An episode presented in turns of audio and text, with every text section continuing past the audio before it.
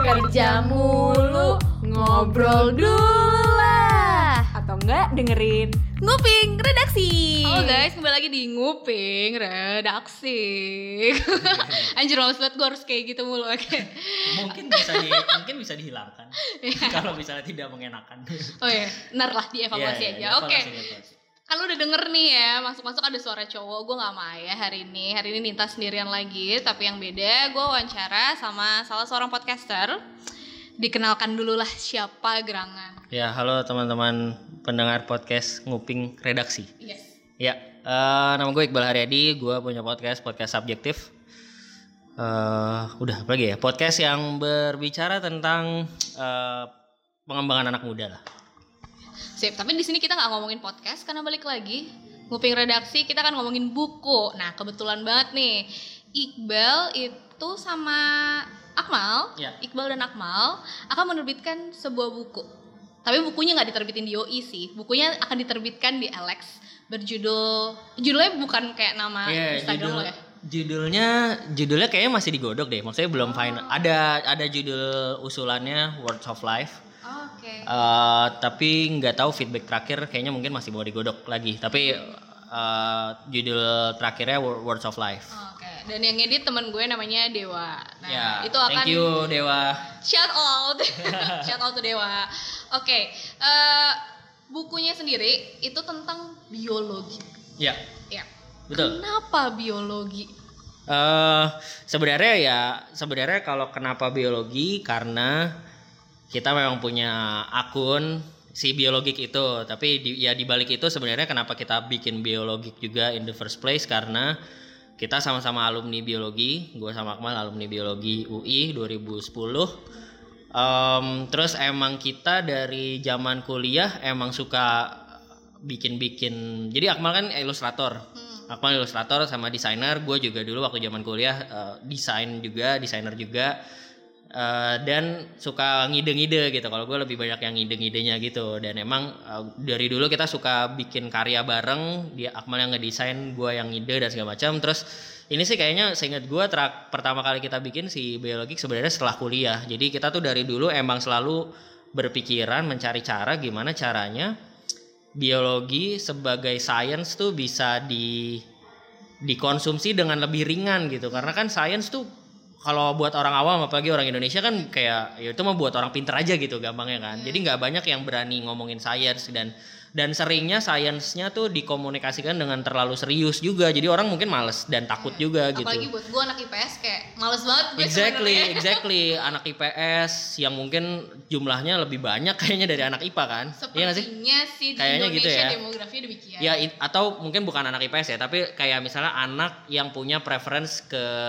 ke sosial dan ke science tuh pasti yang ke sosial lebih banyak gitu. Kayak ya ngomongin di UI aja fakultas sosial tuh jauh lebih banyak daripada fakultas science gitu kan. Eh, dan emang ya itu tadi justru kayak takutnya eh maksudnya currently stat orang tuh mikirnya kayak kalau dia anak IPS atau anak sosial gue males banget gitu sama science gitu dan makanya kita kayak pengen cari cara gimana caranya mengkomunikasikannya dengan lebih santai nah salah satunya adalah muncullah si ide biologik ini gitu Oke. Jadi awalnya namanya bio biologik. ya biologik betul nih. betul Biologik. Dan Jadi- itu muncul di Instagram. betul pertama di. Instagram akunnya @biologik Biologik. Nama biologiknya sendiri tuh emang lo bikin eh kita cari gimmick yuk namanya Iya, yang iya, lucu iya. atau kayak gimana? Sebenarnya eh ya waktu itu kita diskusi cepat aja sih. Maksudnya kayaknya perlu ada nama dan apa. Dan ternyata Akmal emang udah punya udah lama menyimpan si kata ini gitu. Ini kata ini kayaknya bisa kita jadiin project atau apa. Ya udah namanya biologi gitu sih. Dan emang eh, secara nama kan eh, ya biology terus ada geeknya. Jadi emang orang yang suka banget dengan biologi gitulah gampang. Oke. Dan di situ kalau misalkan tadi kan lo bilang Akmal kan seorang ilustrator. betul Dan kalian berdua, Ya. bagaimana sih membagi perannya? Apalagi di platform Instagram kalian kan aktif membagikan konten kayak Ya, gitu. ya, ya. Lo tuh di situ ngapain, Ngapain, ya ya, sebenarnya? kan gue tau gue ya, lo kan ya. anak marketing dan Betul, betul, sekarang betul, betul. fokus di pengembangan diri juga di Yes. podcast kayak gitu. Jadi pembagian perannya adalah em, apa namanya gua sebagai ideation dan writing, Akmal tuh yang eksekusi di gambarnya. gitu. Jadi pembagian perannya kalau pas bikin konten kebanyakan gua yang bagian nulis terus kayak mungkin ide sih kadang-kadang bareng-bareng sih. Maksudnya kayak misalnya kita mau bikin komik nih, terus kayak Akmal juga punya ide, lebih banyak idenya dari Akmal. Eh, tapi nanti dilempar ke gua kalau idenya kayak gini gimana? Oh mungkin gua ganti kata-katanya gitu. Atau kayak yang dulu seri-seri Words of Life tuh eh, kata-katanya dari gua, tapi gua minta Akmal mal ini gambarin eh, beruang yang pelukan sama anaknya gitu. Nanti Akmal yang eh, eksekusi jadi ilustrasinya kayak gitu gitu gitu sih pembagian perannya gitu jadi satu writing dan ideation satu lagi si eksekutor desain dan ilustrasinya Dan itu kalian start sejak tahun? sejak tahun aduh bayar lagi itu Karena tahun gue lihat, berapa ya kontennya udah banyak banget. ya ya ya udah tahun berapa ya 2000 mungkin 15 kali ya 2015 atau 16 Berarti udah lulus tuh ya waktu itu. udah lulus nggak lama setelah lulus kayaknya tiga bulan atau enam bulan setelah lulus lah gitu Oke. Heeh. Gila itu berarti tetap menyatukan kalian sebagai teman satu kampus ya? Ah, Iya dan memang buat gua juga sebagai orang sebagai alumni biologi yang tidak berkarir di dunia biologi kayak gua tetap te- gua tet, gua tetap cinta biologi dan gua eh, gua punya expertise di komunikasi lah gitu ya di marketing. Dan gua kayak mencari cara aja gimana caranya gua mengaplikasikan expertise gua di marketing dan komunikasi supaya ya balik lagi sih sebenarnya biar mempopulerkan si biologi at least ke anak-anak anak-anak muda dan ke bawah lah gitu maksudnya orang-orang yang masih di bangku sekolah dan lain-lain gitu. Berarti pada awalnya segmennya si biologi ini lo mau ngambil yang yang menjadi pengunjung, yang menjadi Iya. penikmat tuh uh, seumuran anak-anak kuliahan atau kayak memang incer yang di bawahnya sih? Iya ya awal banget sih sebenarnya segmen targetnya spesifik anak-anak biologi pasti ya maksudnya karena kan kita bikin kontennya biologi banget gitu Yang relate lah ya. Heeh, yang gitu pasti ya. akan merasa, wah ini menarik banget tuh pasti anak biologi gitu, anak kuliah lah gitu ya. Eh, tapi setelah jalan em, kita sebenarnya bis merasa, oh ternyata bisa meluas juga, tetap di payung pencin, istilahnya orang yang tertarik dengan biologi, tapi nggak terbatas di anak kuliah doang gitu. Jadi bisa anak SMA juga. Eh, banyak juga followers yang anak-anak SMA gitu. Jadi emang mereka yang gue nggak tahu sih background ya karena nggak pernah ngomong ya. Cuma mungkin mereka punya interest di biologi mungkin anak olimpiade biologi kayak gitu gitulah Nah, Nah, dari Instagram, Ya. dari kan itu prosesnya cukup lama tuh 2015 lo bikin bik- pikiran inisiatif, Iya, iya. inisiatifnya, terus lo bikin Instagramnya, terus tiba-tiba lo kepikiran mau jadi bikin buku. betul betul Kenapa ada sampai "Ayo kita bukuin aja lah Iya iya gitu. iya iya. Sebenarnya kalau dari sisi kita berdua sebagai kreator sih eh, ada di satu sisi memang dari awal kita bikin ini kan sebagai sebagai media komu- media edukasi ya. Maksudnya tujuannya itu edukasi, tujuannya pendidikan gitu. Eh, dan emang kita pakai Instagram ya karena itu yang paling gampang gitu kan. Eh, itu awalnya. Tapi tujuannya emang dari awal edukasi, pendidikan dan eh, gua dan Akmal apalagi Akmal tuh punya interest yang gede banget di pendidikan sains lah gitu. Pengen mendidik bukan mendidik sih pengen mengedukasi lebih banyak orang tadi terutama anak-anak. Akmal tuh suka banget pendidikan sekolah gitu. Maksudnya eh, SD SMP SMA tuh Akmal eh, suka lah gitu. Untuk anak orang-orang lebih tertarik sama sains gitu. Eh, itu satu. Nah kedua baru setelah dengan background itu dengan background satu tadi eh, memang kenapa akhirnya lompat ke buku ada poin keduanya karena kita pengen ada milestone juga buat kita sebagai kreator gitu. Hmm, kasarnya kayak masa kita mau di Instagram doang sih gitu. Kayaknya ada hal lain yang bisa kita kerjain juga which is buku. Dan kayaknya kita rasa juga buku as medium juga sangat bisa menyebar ke segmen-segmen yang mungkin tidak ada di Instagram gitu. Ya kan? Maksudnya kita mau menyasar anak-anak nih gitu supaya tak supaya kenal biologi dan cinta sains lah gitu. Kalau misalnya kita main di Instagram doang mungkin ada orang-orang yang tidak ada di Instagram gitu. Anak-anak yang tidak ada di Instagram mungkin anak-anak yang daerah dan mungkin mereka bisa terbantu dengan adanya medium buku gitu. Apalagi ya em, ya ketiga karena target segmennya adalah anak-anak sekolah gitu ya anak-anak yang masih usia pendidikan sekolah eh, kita rasa kayaknya de- kalau kita punya medium buku eh, kita bisa kolaborasi dengan banyak pihak yang yang berhubungan dengan ini juga gitu jadi misalnya kita punya buku oh nanti kalau kita ngobrol sama sebuah sekolah akan lebih enak nih gitu mungkin kita bisa jadi kita bisa main ke sana karena kita udah punya ini kayak saya punya buku Jatuhnya gitu jadi credential lo credentials gitu ya. juga dan ada ada sesuatu yang kita pasarkan juga gitu Hmm. dari sekedar cuma Instagram doang gitu Hmm, dan sebenarnya sih kalau misalkan buku anak yang harusnya lo incer kan eh, orang Orang tuanya tua, betul, betul, betul, kayak betul. gitu. Karena yang biasa keliling di rak buku anak tuh jarang banget anaknya ya itu ya ya orang tuanya pasti pasti kan. pasti pasti betul Dan itu betul PR sendiri sih sebenarnya. ya ya ya ya ya Nah, eh, tadi lo bilang kalau sains itu menarik dan tadi kan gue bilang gue juga anak IPS. Iya, gue iya. bingung sebenarnya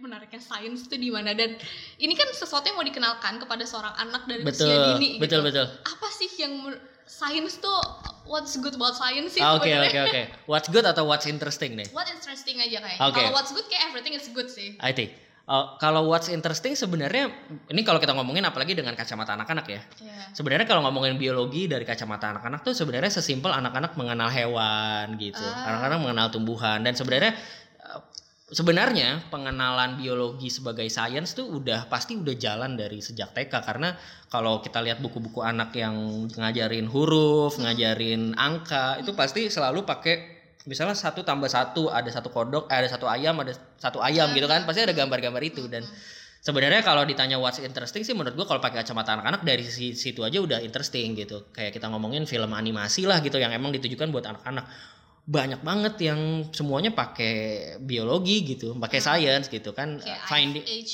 Ice gitu. Age Finding Nemo uh, Dinosaurs uh, A Good Dinosaurs apa lagi ya Dulu uh, Land Before Time. Land gitu, Before Time dinosaurs. uh, Simba Simba itu apa sih Lion Ah, King Lion King. Oh banyak banget gitu dan dan dan itu menarik banget di mata anak-anak Ah. karena mereka ngelihat sesuatu yang nggak setiap hari mereka lihat terus oh ini ada nih hewan bentuknya kayak gini lucu kayak gitu-gitu.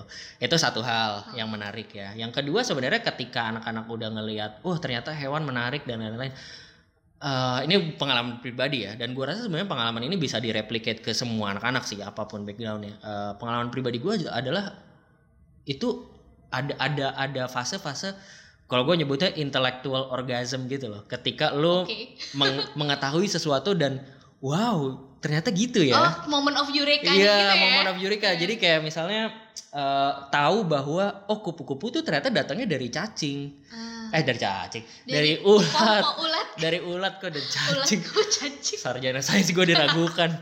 Eh, dari ulat gitu. Ulat berubah jadi kepompong. Dari kepompong berubah jadi kupu-kupu. Dan ketika gue pas anak-anak gue tahu fakta itu kan kayak wow so cool gitu. Terus kayak gue baca buku dinosaurus oh ternyata sebelum ada burung-burung yang sekarang ini ada dinosaurus-dinosaurus ini gitu. Terus kayak sebelum ada reptil-reptil yang sekarang ada steg ada ada stegosaurus yang ada apa namanya ada duri-durinya gitu. Ada yang eh, brontosaurus yang gede gitu. Itu itu menarik banget sih. Maksudnya j- pakai kacamata anak-anak ya. Dan dan somehow emang eh, kalau kita ngomongin bigger picture-nya anak-anak punya antusiasme ini and then somehow along the way itu jadi itu berubah jadi sesuatu yang menakutkan Eh, iya sih. Iya. Gue tuh gara-gara gara-gara SD ngelihat sebenarnya kayak awal tuh itu menarik karena Menarik. ensiklopedi dulu kan gue ngeliat kayak gitu dari exactly ensiklopedi kan exactly kayak gitu dari bokap gue eh, dulu di rumah oma gue tuh ada banyak terus bokap gue suka ngasih lihat kayak Iya gitu iya iya iya. tapi gara-gara sekolah itu Nah. dinilai gue tuh agak bete setelah itu karena nilainya jelek Heeh, dan soalnya susah pemaknaan gue terhadap Iya, eh, itu semua apalagi eh, biologi kimia dan fisika gitu. Biologi sih terutama itu tuh bukan bukan yang seperti diajarkan di sekolah kayak gitu. Iya iya iya. Dan akhirnya patah kan. Maksudnya Heeh. awalnya menarik bahwa kita ngelihat alam dan apa dan dan ya balik lagi gue pakai kacamata anak-anak ngelihat ada katak warna hijau ada ada jerapah warnanya kuning total total ada zebra warnanya ini ini. Itu kan buat anak-anak wah ada bentuk yang berbeda ada warna yang berbeda itu menarik banget. Tapi ya tadi benar gue setuju. Makanya tadi yang gue bilang ketika udah masuk ke fase sekolah terus kayak wah ternyata susah ternyata ribet ternyata gini. Ya memang kalau kita udah masuk banget ke sainsnya jadi ribet dan apa. Tapi mungkin salah satunya tadi yang lo bilang sistem nilai akhirnya membuat orang jadi patah arang lah gitu. Kayak anjing ternyata susah ya ya udahlah gue belajar yang IPS aja lah bahasa Indonesia gitu gitu kan. Kayak gue bahasa Indonesia ada di IPA loh oh jangan salah. iya iya. Apa sih IPS ya Eh, yang sejarah ya kan sosiologi. ti- jangan jangan di kita nggak bisa memungkiri bahwa banyak anak IPS yang pokoknya yang penting nggak ada hitungannya ya kan? iya iya iya. Yang penting nggak ada hafalan biologinya yang penting nggak ada rumus-rumus fisikanya gitu kan? Nah itu sih menurut gua yang eh, fenomena yang terjadi gitu. Hmm.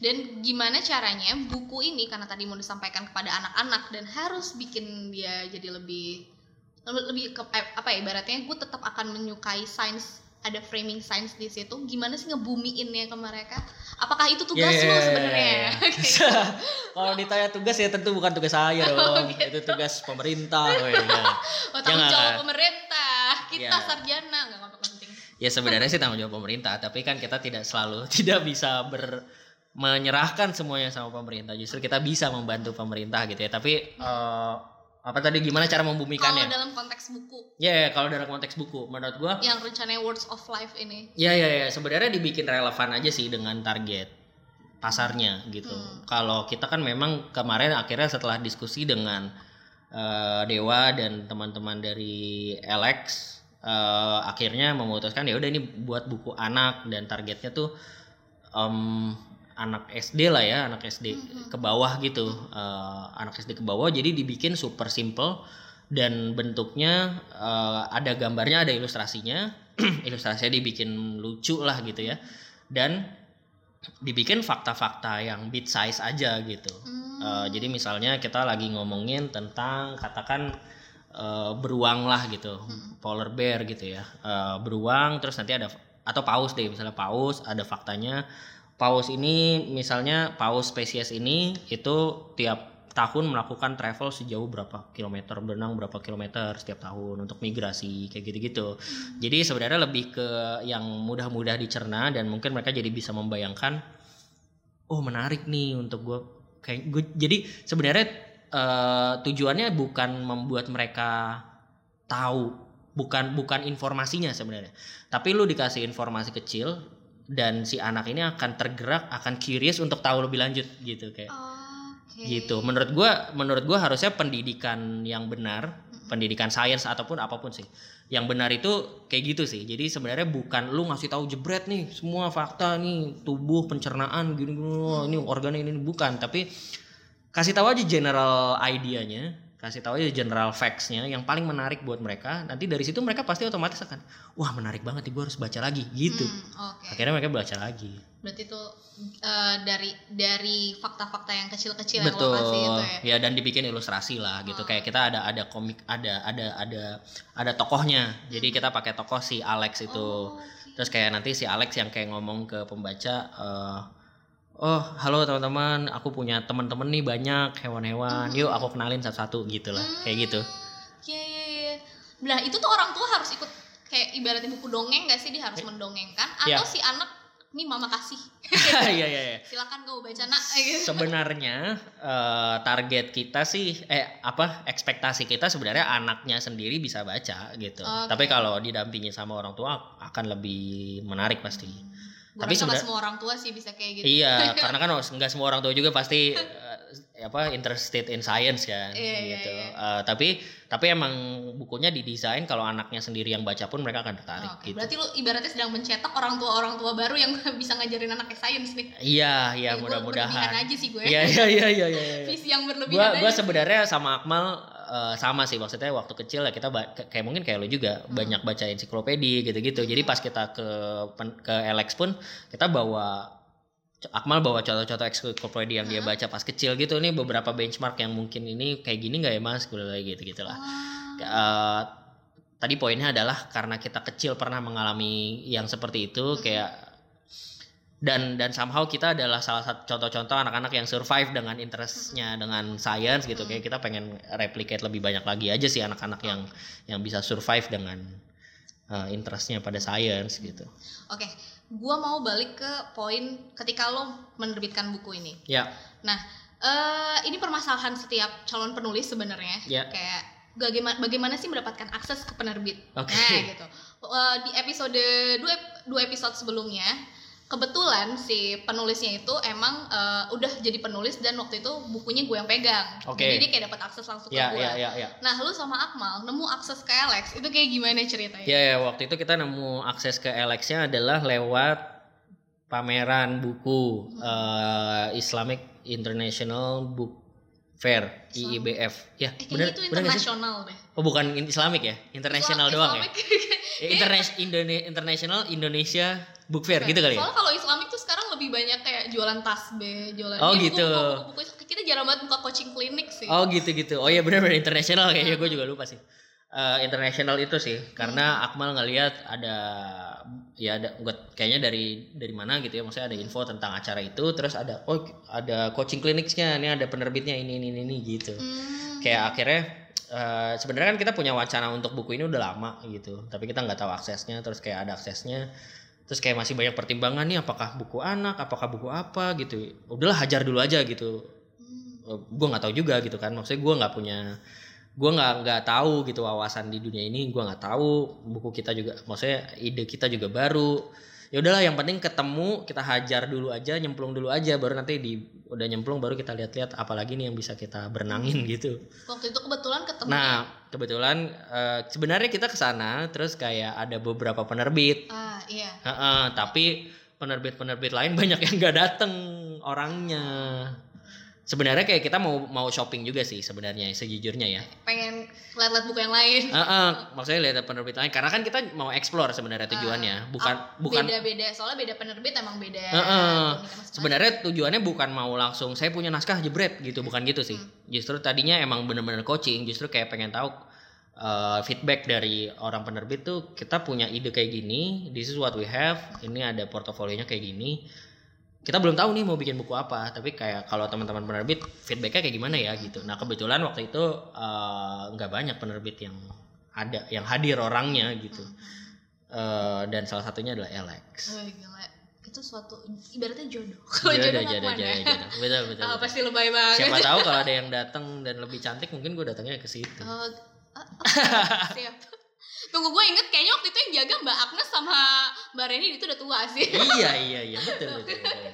udah mbak Aksa denger gak nih Eh, kalau Mbak Agnes denger menurut aku Mbak Agnes paling cantik kok di iya iya keren mbak Agnes Oke. love you Jadi gini, eh yang gue tahu sebelumnya lu juga udah pernah nulis buku kan? betul Itu self publish, self publishing ya. belum masuk ke penerbit. ya Kenapa lu memutuskan untuk si buku ini Mm-mm. gak self publish kayak lo dulu kayak gitu? oh Em, sebenarnya kalau yang sebelumnya kan gue nulis buku juga bertumbuh. Nulisnya judulnya bertumbuh gue nulis berlima sama teman-teman gue penulis Tumblr gitu. Ada Kurniawan Gunadi Satria Maulana eh, Pramutia Prawitasari sama satu lagi siapa ya? Novi Novi Novi. Parah banget lupa. iya parah banget lupa. Astagfirullah mohon maaf. Eh iya berlima Eh, terus memang kalau yang waktu itu ekosistemnya udah ada lah gitu. Jadi si Kurniawan Gunadi ini emang dia udah punya penerbit self publishing udah tahu juga flow-nya seperti apa marketingnya kayak gimana dan lain-lain udah di handle lah gitu. Eh, tapi poin lainnya kalau masuk ke pertanyaan tadi eh, di sisi itu marketnya juga udah clear karena setidaknya masing-masing penulis kita udah punya fanbase di Tumblr. Oke. udah ada marketnya nih gitu. Jadi tinggal dipasarkan aja kita bikin produk yang relevan in this case buku tinggal marketing ke mereka pasti akan dimakan gitu. Jadi kayak self publishingnya juga udah pede karena kita udah tahu ada calon pembeli gitu. Tapi kalau yang biologi kenapa nggak self publishing karena kita nggak tahu juga nih si- eh, bukunya sebenarnya siapa gitu yang beli gitu. Dan apa respon dari publik kita belum tahu juga gitu. Jadi I think the the risk untuk self publishing too big juga buat kita yang masih eksploratif gitu. Jadi ya kayaknya lebih lebih relevan justru sama penerbit yang udah eh, tahu lah gitu. Setidaknya wal- walaupun pada diskusi sama teman-teman Alex pun eh, teman-teman Alex kita kasih konsep kita eh, mereka pun nggak nggak tahu. Maksudnya belum tahu nih responnya kayak gimana. Justru kita kenapa kita pengen coba juga sama teman-teman biologi? Karena kita pengen tahu ya konsep ini baru gitu maksudnya konsep ini belum pernah dipakai di buku-buku sebelumnya. Justru kenapa kita pengen majuin? Karena ya kita cobain aja konsep baru gitu. Oh, jadi ya sama-sama eksploratif sih. Dan emang buat gua pribadi sama Akmal eh, ya kita cuma ngejar milestone dan justru mengeksplorasi ini sebenarnya si biologiknya sebagai intel- intellectual property bisa di stretch sampai mana gitu. Feedback dari marketnya juga kayak gimana Oke. gitu. Itu poin yang menarik sih karena di episode sebelumnya sebenarnya gue ngomong kalau kita mau nerbitin naskah itu tuh lo harus tahu dulu segmen lo tuh siapa. ya Jadi eh, eksplorasi tuh udah harusnya lu lakukan.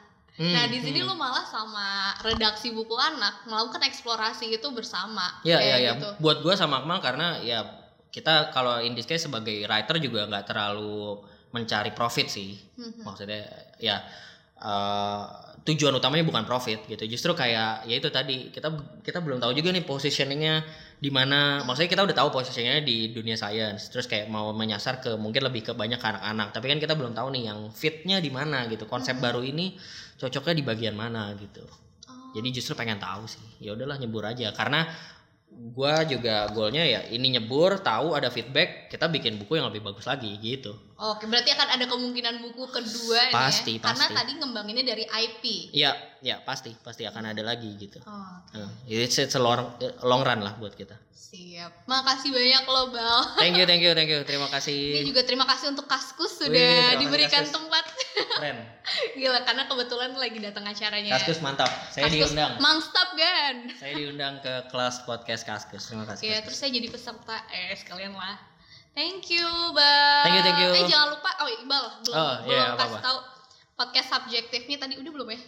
Udah, udah, udah. Udah Ya, ya? podcast subjektif bisa didengarkan di Spotify, di SoundCloud, di semua plat podcast platform. Eh, kalau gue bisa dikontak di @iqbalhp, follow juga biologik di @biologik. Oh, Oke, sip nanti gue masukin ke description Siap. juga. Thank you sekali lagi, Terima bye-bye. kasih.